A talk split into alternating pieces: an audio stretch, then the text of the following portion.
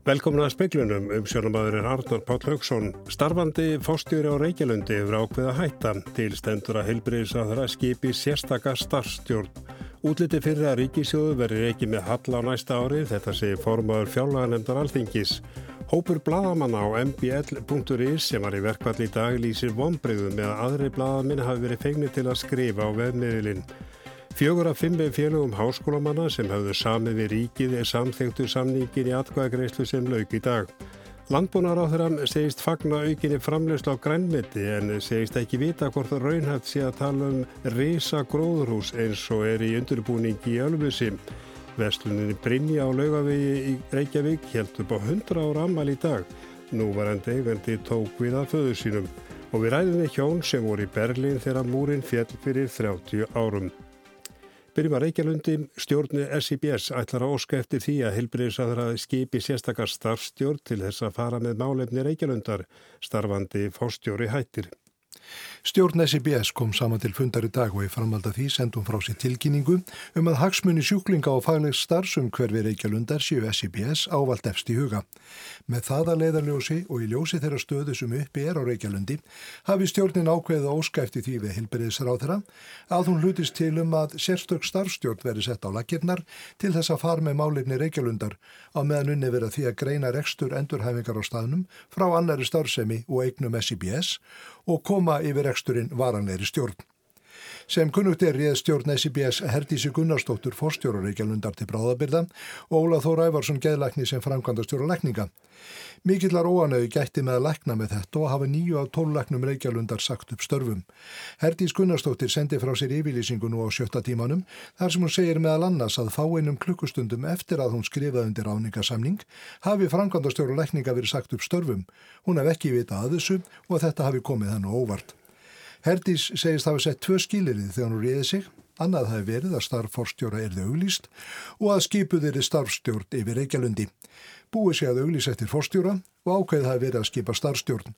Hún lítið svo á að hún hafi lokið þeim verkefnum sem hún var köllu til að sinna og í ljósi þess hafa hún ákveðið að hætta störfum á Reykjalundi þegar starfstjórn tekur til starfa í næstu viku. Haugur Holm saði frá. Standa á við áformum að lækka skatta og tryggingagjald og lengja fæðingarorlof þrátt fyrir samdrátt í efnarsmálum. Þetta sé formaður fjárlagarnemdar alþingis, ríkisjóður verður reikinni halla á næsta ári. Fjárlaganemnd alþingis fjallaði gærum nýja útreikninga fjárlagafrömm var sem byggjast á nýri hagspá. Samkvæmt þeim lækka til dæmis veiðugjöld vegna verri afkomu og mikill að fjárfestinga. Tíðindinu auðvitað þau að ríkisjóður stendur stert og, og, og getur haldið sér við fyrir áform og áallanir. Segir Viljum Þór Þórsson, formar fjárlaganefndar alþingis. Hann segir að breytingin á ríkisfjármálastefnu stjórnarinnar þýði að hægsi að milda höggið á þjóðfélagið af verri afkomi en síðustu ár. Þegar var búið ákveðað í stað 30 miljard afgangs yrði ríkisögur rekin í jafnvægi. Það breytist líka. Það má regna með að við verðum í eilitin halla en þetta gerum við til að mæta verði hagsbá og stýðja við hagkerfi. Segir Viljum Þór. Þetta gera verkum að staði verði við fjárfestingar, skattalækkanir í takt við lífskjærasamningin og lækkun tryggingagjáls auk þess sem fæðingarorlof verði lengt. Brynjólur Þóru Guðmarsson saði frá. Hópur átjón bladamanna og fréttastjóra á frétta og íþróttadeild mbl.is lýsi vonbröðum vegna þessa þegar að vinnustöðun hóst þar klukkan er tíu í morgun líkt og á fleiri veðmiðlum hafi bladamenn á morgunblæðinum, það er prentmiðlinum sem öllu jöfnu skrif ekki fréttur á vefin, tekið til við vefskriftir að auki hafi fyrirverandi sumastarsmaður og lausapenna á morgunblæðinu verið kallaður til til þess að skrifa fréttir á mbl.is. Fréttaskrifin hafi verið með vitund og vilja rýtstjóra og framkvæmdastjóra morgunblæsins. Þetta framferði telja þeir sem skrifundur yfirlýsingum sem byrtist á vef Bladamannafélagsins varpa rýrð á mbl.is og bladamennar sem þar starfa. Fjögur af fimm félugum háskólamanna sem söndu við ríkið er samþektu samningin í atkvæðagreyslu sem lauk í dag. Félag háskólamentara starfsmannar stjórnaráðsins feldi samningin. Fjölugin sem samþektu voru félag íslenskra félagsvísindamanna, fræðagarður, stjættarfélag bókasaps og upplýsingafræðinga og stjættarfélag lögfræðinga. Kjara sammingurinn gildi til fjögra ára frá 1. apríl á þessu ári til 31. mars 2023. Brægi Skúlason er formaður fræðagars. Er þetta gleði fréttir eða bombriði? Það er náttúrulega þegar fimm fjölu fara saman og er að vinna saman að samningi þá vil maður auðvitað helst sjá öll eiga samleiði í því. En uh, við vissum hins vegar að því það voru einhverjir innan FHSS sem voru ekki sáttir. Þannig að því leti kemur það ekki allt á óvart. En uh, á sama hátt þá gildir samningurum fyrir þessi fjögur fjölu sem hafa samþýtt og því fagnum við það sjálfsögðu því þetta var náttúrulega erfið samningslota, reyndi á og félagsmenn eru þá samþykið því að það var góð þáttaka í kostningunni. Það er yfir tveir þriðjur sem taka þáttur félagunni í held. Þannig að við erum ekki undan einu að kvarta þannig. Félagsmenn hafa sagt sitt. Þetta var Bræði Skúlason, auk háskólamentara starfsmanna stjórnarásins en nú þurfaði aftur að setja stað samningaborðinu eiga 17 félög BHM eftir að semja við ríkið. Landbúnaráþara segist fagna aukinni framlegsla á íslensku grænmiti en segist ekki vita hvort raunhæft sé að tala um eh, risa gróðurhús eins og er í undirbúningi Ölfusi. Forsvarsmenn Paradise Farm eh, higgja á stórfælda ávasta og grænmitistræktun í Ölfusi reysa á í byrjun 100.000 fermetra gróðurhús sem stemtir að á að stekki síðar í 500.000 fermetra eins og framkomi fréttum í gær. Lagt er upp með að rækta tómata og paprikum og annars líkt til að byrja með en bæta síðan við meira framandi afurðum eins og papai og mango. Mér líst það sjálfsögðu vel á allar hugmyndur um uppbygging á íslenski grænmyndisframlegslu. Ég hins vegar þekki þessar eh, hugmyndir ekki út í neitt hörgul. Ég hef beinungis fengið bara upplýsingar um þá fjölmjölum frá ykkur. Þetta er alltaf stórt. Það er alveg ljóst að þetta gengur ekkert á óbreyðu kerfi þannig að í mínum huga er þetta mál sem þarf að fara yfir en ég fagna, eins og ég segi, fagna öllum hugmyndum um aukningu á Íslandsi grænmyndsfjörnum. Það, það þýpar að fagna. Gunnar Þorkirsson, garðirkibóndi og talsmaður Paradise Farms saði í fléttur rú að næsta skrif væri að tyggja orkum 30 megavött þyrti í fyrsta áfangan en í það heila þyrtu 120 til 150 megavött. Landbúnar á það segist ekki geta lagt mat á það hvort þessar áallinni séu raunhafar eða hvenar þær gætu orðið veruleika en það hafi málið ekki verið kynnt honum. Ég reikna nú með því að þetta fólk uh, skoði fyrst svona grunngerðina, hvaða möguleikar er á orkuöflum fyrir þetta, nummer 1, 2 og 3, áður en að lengra verið haldið. Saði Kristján Júliusson. Frankvæntarsjóður landbúnaðarins hefur styrt tíu stopnarnir um 57 miljónar á árið að meðaltali síðustu þrjú ár. Það eru 42% að heildar útlutunum sjósins. Landbúnaráð þeirra saði og honum þætti sérstakt að sjá hversu stór hluti af framlögu sjósins er inni til stopnana og félagasamtaka. Í hátíðsvettu sögðu við frá því að meðatali farum 11 miljónur til félagasamtaka ár hvert. Rétt er árétta að 25 verkefni á vegum stopnana hafa fengið styrk úr sjónum. Síðustu þrjú ár hafa stopnarnir fengið á milli 50 til 65 miljónir Á þess áru fengur stofnunir 45% af heildar útlutunum sjóðsins. Alls útlutaði framkvæmtasjóður um 130 miljónum síðustu ár. 100 ára ammæli verslunarinnar Brynja á laugavi 29 Reykjavík var fagnæði dag. Þar hafa frá uppaði verið seldari ímiskonar járdvörur og verkværi og viðskiptinu ganga en vel. Brynja hefur verið í eigu sömu fjörskildunar í nánast heila öll. Brynjólu Björnsson, nú er enda eigandi, byrjaði þar í fullu starfi hjá pappa sínum á árunum 1964 til 5 og hefur verið við búðaborðið síðan. Mjög gaman að vera hérna í búð. Þetta kemur svo fjölbreyttur hópur af fólki hérna inn. Maður er búin að hitta og kynast alveg ótrúið fjölda af fólki. Sko. Þessi mannlegi samskipti sem að skipta svo miklu máli og okkur finnst hérna og við erum höldum þessu þessu, bara þessum tón hérna sko. Það hafa verið mikla framkvæmdur hér á vegum borgarinnar. Eh, hvernig hefur það komið ykkur? Það öll, komið öllum vestlunum hérna illa sko. 5-6 ár sko. Allar þessar byggingar framkvæmdur hérna, þetta eru eilíf tröflun, steipubílar og, og, og lokaður partagötum og svona. Þetta er bara mjög tröflandi áhrif að allt svona rekstur hérna. En þið eru ekkert að loka að halda það fram? Nei, við erum það, já sagði Brynjólu Björnsson í Brynju í viðtali við Þórdísi Arljósdóttur.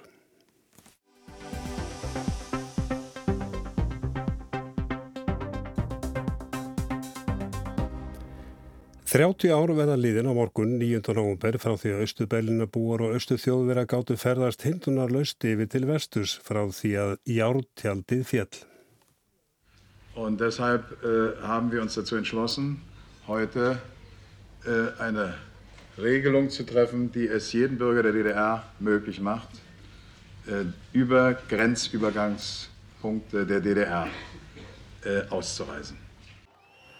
Þarna heyrðum við í Gunther Sjabovski, talsmanni austurþísku ríkistjórnarinnar á frægum bladamannafundi í Austur-Berlín þann 9. november 1989.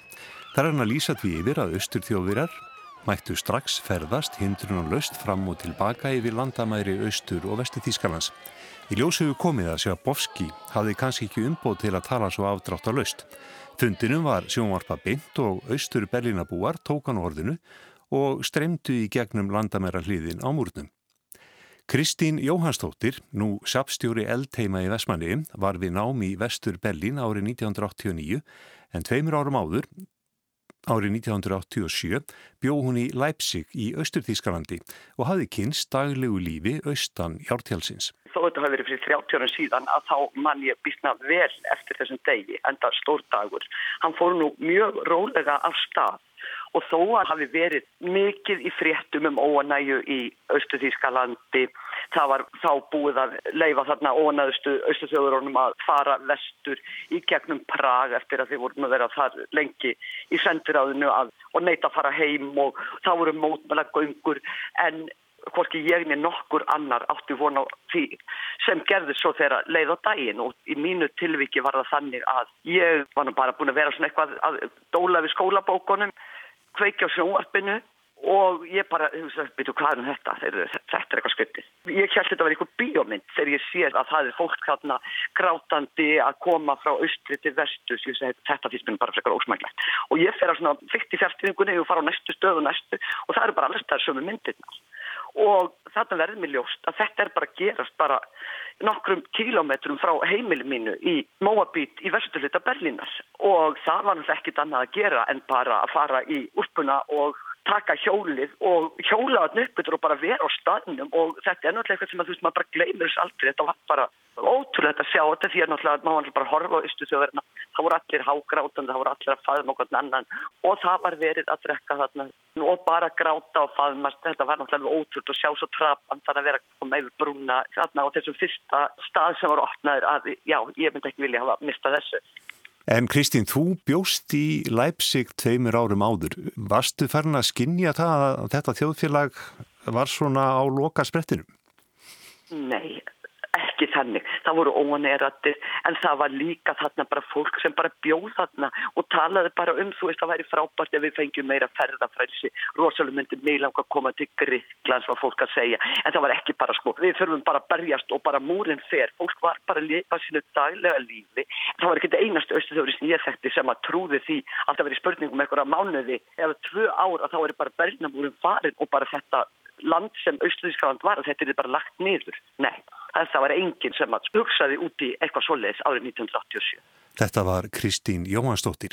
Hjónin Helgi Hilmarsson og Hrafnildur Ragnarsdóttir voru líka námsmenn í Vesturbelli 1989 og urðu vitni að heims viðburði. Það var auðvitað gífulegur flótamannaströymur í gegnum Ungaraland og Tjekkoslovaki og maður fylgist með því í fréttanum okkur einasta kvöldi Þannig að það var mikið umrót og það láði við í loftinu að eitthvað stort myndi eitthvað tíman gerast en maður átti auðvitað ekkit vona því strax en það var alltaf spenna á kvöldin að kveikja fréttonum og, og hvað fóru margir í dag og hvernig gekk það og hvað eru stjórnvöld að hugsa núna.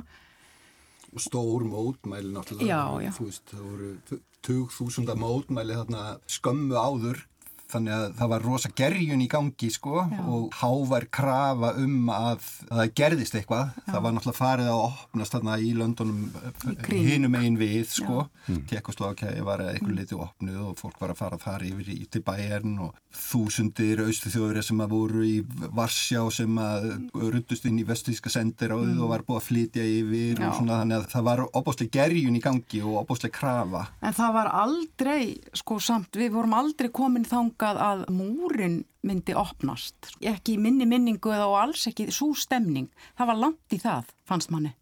En svo gerist þetta, hliðin opnast. Hvernig voru dagarnir þarna á eftir? Þeir voru svolítið bara svona eins og einhver sko, stöðuð þjóðháttíð og allir svona hissa, gladir. Eh, mér fannst alltaf vanta svona daldið í umræðina eftir á að við vorum, ég var daldið hrætt þetta kvöld þó ég væri líka glöð, þá var ég daldið hrætt. Mér fannst svo umræða aldrei nánitt sko.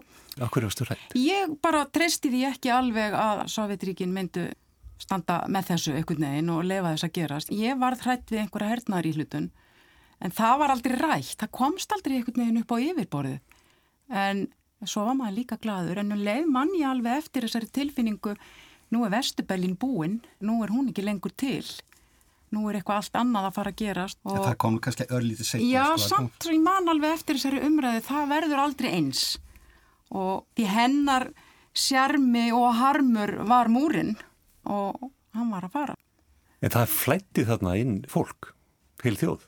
Já, já, ég minna það var náttúrulega strax um kvöldi þá voru þetta langar bílalestir og, og þetta var bara eins og einhver svona rosalega hátíð, ég minna það vildu allir komast yfir og það var mikið parti, það voru marga kampæðisflöskurnar ofnaða þarna á, á göttunum í kringum landamærastöðunar Þetta gerist náttúrulega einhver leiti þó að þetta hefði kannski með að við svona ástandið í heiminum á þessum tíma þá hefði þetta mögulega alveg gerst en þetta gerist náttúrulega einhverju leiti bara fyrir tilviljanir.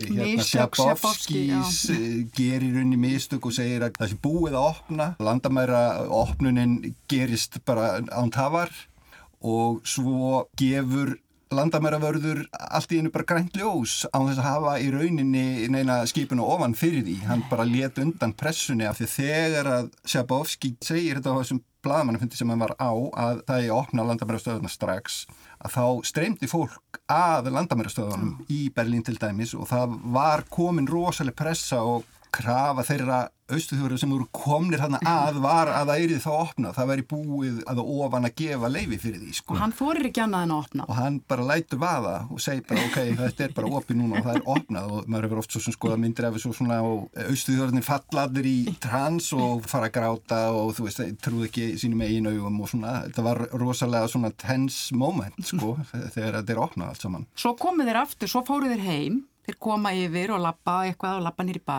og fara svo bara tilbaka. Svo komið þeir bara eftir daginn eftir. Og þá fórum við mannstu með í það var, það er ekki að kalla þetta skrúðgöngum það er bara með 2000 og allir einhvern veginn eins klættir og ég man alltaf að það kom til okkar kona við vorum að lappa þarna með og sagði við okkur þið eruð ekki austurþjóðverjar. Og spurði okkur af hverju við værum þarna. Hvernig þekktuðu austurþjóðverjum úr? Á föttunum Þeir voru öðruvísi kliftir og þeir voru í örfísi fötum, það var bara önnur tíska, var svona svolítið ríkist tíska. En nú er liðin 30 ár. Hvernig hugnast ykkur svo þróun sem hefur orðið í Tískalandi síðan? Hefur þessi saminning hefnast? Já og nei. Hún varð auðvitað að gerast. Það gefur auðvitað auðvaleið og það hefði ábyggilega þurft að standa miklu, miklu betur að henni en það er alveg ljóst að austur þjóðverðar alveg austast sérstaklega hafa setið einhvern veginn algjörlega eftir. Svo má kannski segja líka að austur þjóðverjarnir fóru aldrei í gegnum nazismasögunar eins og vestur þjóðverjar þurftu að gera og gerðu í rauninni bara mjög vel.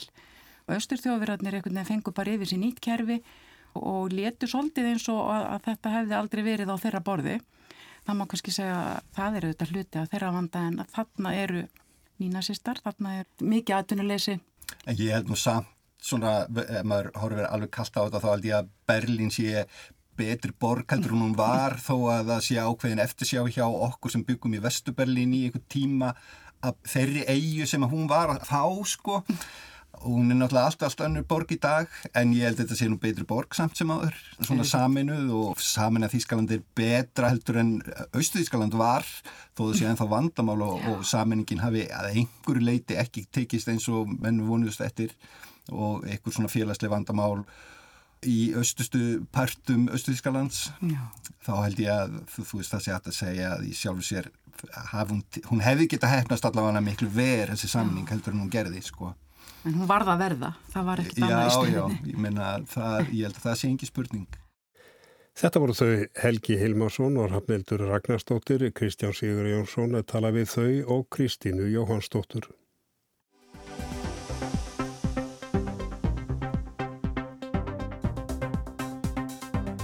Þú ert í matvöruverslun, þú skimar eftir ákveðnum vörum sem þið vantar en hugsar kannski minna um innviðina. Þú hefur kannski aldrei veltið fyrir þér hvernig mjölkinni er haldið kaldri eða hvort fristikistan heiti Valentini 17, hvort kælinum er bara stungið í samband eða hvort það leikja pípur frá honum inn í vekkin. Þeir sem reka verslanir pæla aftur á móti þessu og þurfa á næstu tíu árum að huga því að skipta út kælikerfum sem ganga á svo kulluðum F-gösum, sterkum gróðursaloftegundum sem að komi í staðin fyrir freonið á sínum tíma. Mörg fyrirtæki í sjávarótvegi þurfa líka að skipta gamalli tækni út fyrir nýja. F-gössin eru ábyrg fyrir álíka stórum hluta heimslósunar gróðursaloftegund á alþjóðaflugið um einu til þremur prósentum og þau geta lekið út í endurslofti við framleiðslu, nótkun og förgun. Þessi gös eru nótu víða í fiskiskip, fristigáma til að kæla tæknirými, í kælikerfi sláturhúsum og stórmörkuðum svo dæmi séu nefnt. Í nýjum maturverslunum er við að fara að nota kolsýru í staðin. Það á til dæmis við í bónusverslun í Skeifun í Reykjavík. Auðun Pálsson hefur umsjón með fastegnum og tækjabúnaði bónusum allt land og sér um uppsetningu á nýjum búnaði í verslunum. Hann byrjaði á að sína mér fristikisturnar. Þetta er sérst kolsýru kæl. Þetta eru kolsýru tæki. Tæki líta nákvæmlega eins út nema innvolsi í þessu er fyrir kolsýru. Þetta er kælingin fyrir alltaf. Allt sem að þarf að kæla í versluninni er kælt með kolsýru. Í mjölkurkælinum eru stórar viftur í loftinu og það eru tengdar við kolsýrukerfið og frá góskælinum leikja leiðslurinn í vegg. Handan þessa veggjar er kælikerfið sjálft að finna í sér rými. Kælu og fristibúnaður 7.2. Það ekki loka? Þetta getur séð sko, þetta er á vaktin alltaf sólaríkinn og getur séð bara hérna djúfristir, mjölk 4,6, bakkælinn 2,6. Þetta er vakta allan sólaríkinn. En þetta er það sem koma að skala, það er kólsýra, það er nokkuð ljóst. Já, kolsýran er það sem kom að skali bónus að sögn auðurs. Þetta sé betri kælimiðil en F-gasablöndurnar þurfi minni orku og svo sé hann íslenskur framleitur í versmiðu Ísaga á hæðarenda í Grímsnesi. Það samur upp á teiningnum hjá keppinautum, krónan velur kolsýrulausnina þegar verið er að taka nýjar verslanir í gagnið eða eldri verslanir í gegn. Samköpi líka á þessari vegferð, fyrirtækir ekkur 60 verslanir og undir það heyra keðjur á borði nett og krambúðin á Æsland. Ómar Jónsson sem sér um tæki og fastegnir þar, saðist þegar speilin heyrði jónum ymmit verið að vinna kostnæðar á öllunum hvernig best verði að taka gumul tæki kerfisbundur umferð á næstu árum. Nýbúið sé að loka fristum og skápum til að spara rafmagn, komin lífræn flokkun og búið að skipta út ljósapyrum og þetta skref komi svo næst og það verði dýrara en öll hinn. Ný kerfi eigi þó að stuðla sparnaði í rekstri til lengri tíma og þetta sé liður í að nútíma væða vestlandinnar og svo leggji fyrirtæki með þessu sitt af mörgum til heimsins alls. Ómar segir það hversu lengi F-gasa kerfin verði nótuð áfram fara eftir kostnaðunum við það. Best verði að taka eldstu kælan ár umferð fyrst en það mesta hættan á því að þeir leki. Hann segir kolsýrukerfin krefjast mikils eftirlits, það sem mikil þrýstingur á þeim og dæmum það erlendis að það hafa orðið sprengingar. Auðun segir áhættum að hafa leitt í ljós að kerfið væri mjög örugt. Staðin er þannig að víðast hvar er enn kælt með efgössum. Bónusrekur 31 verslun um all land og í öllum nema 5 eru matvæli kælt með hjálp F-gasa, engum gassins 404A sem er tæplega 4000 sinnum öflugri gróðursaloftegund en koltvísýringur. Kolsýru lausnin er frekar nýtilkomin og þannig er yngsta bónusbúðun sem er með F-gasakerfi frá árinu 2015.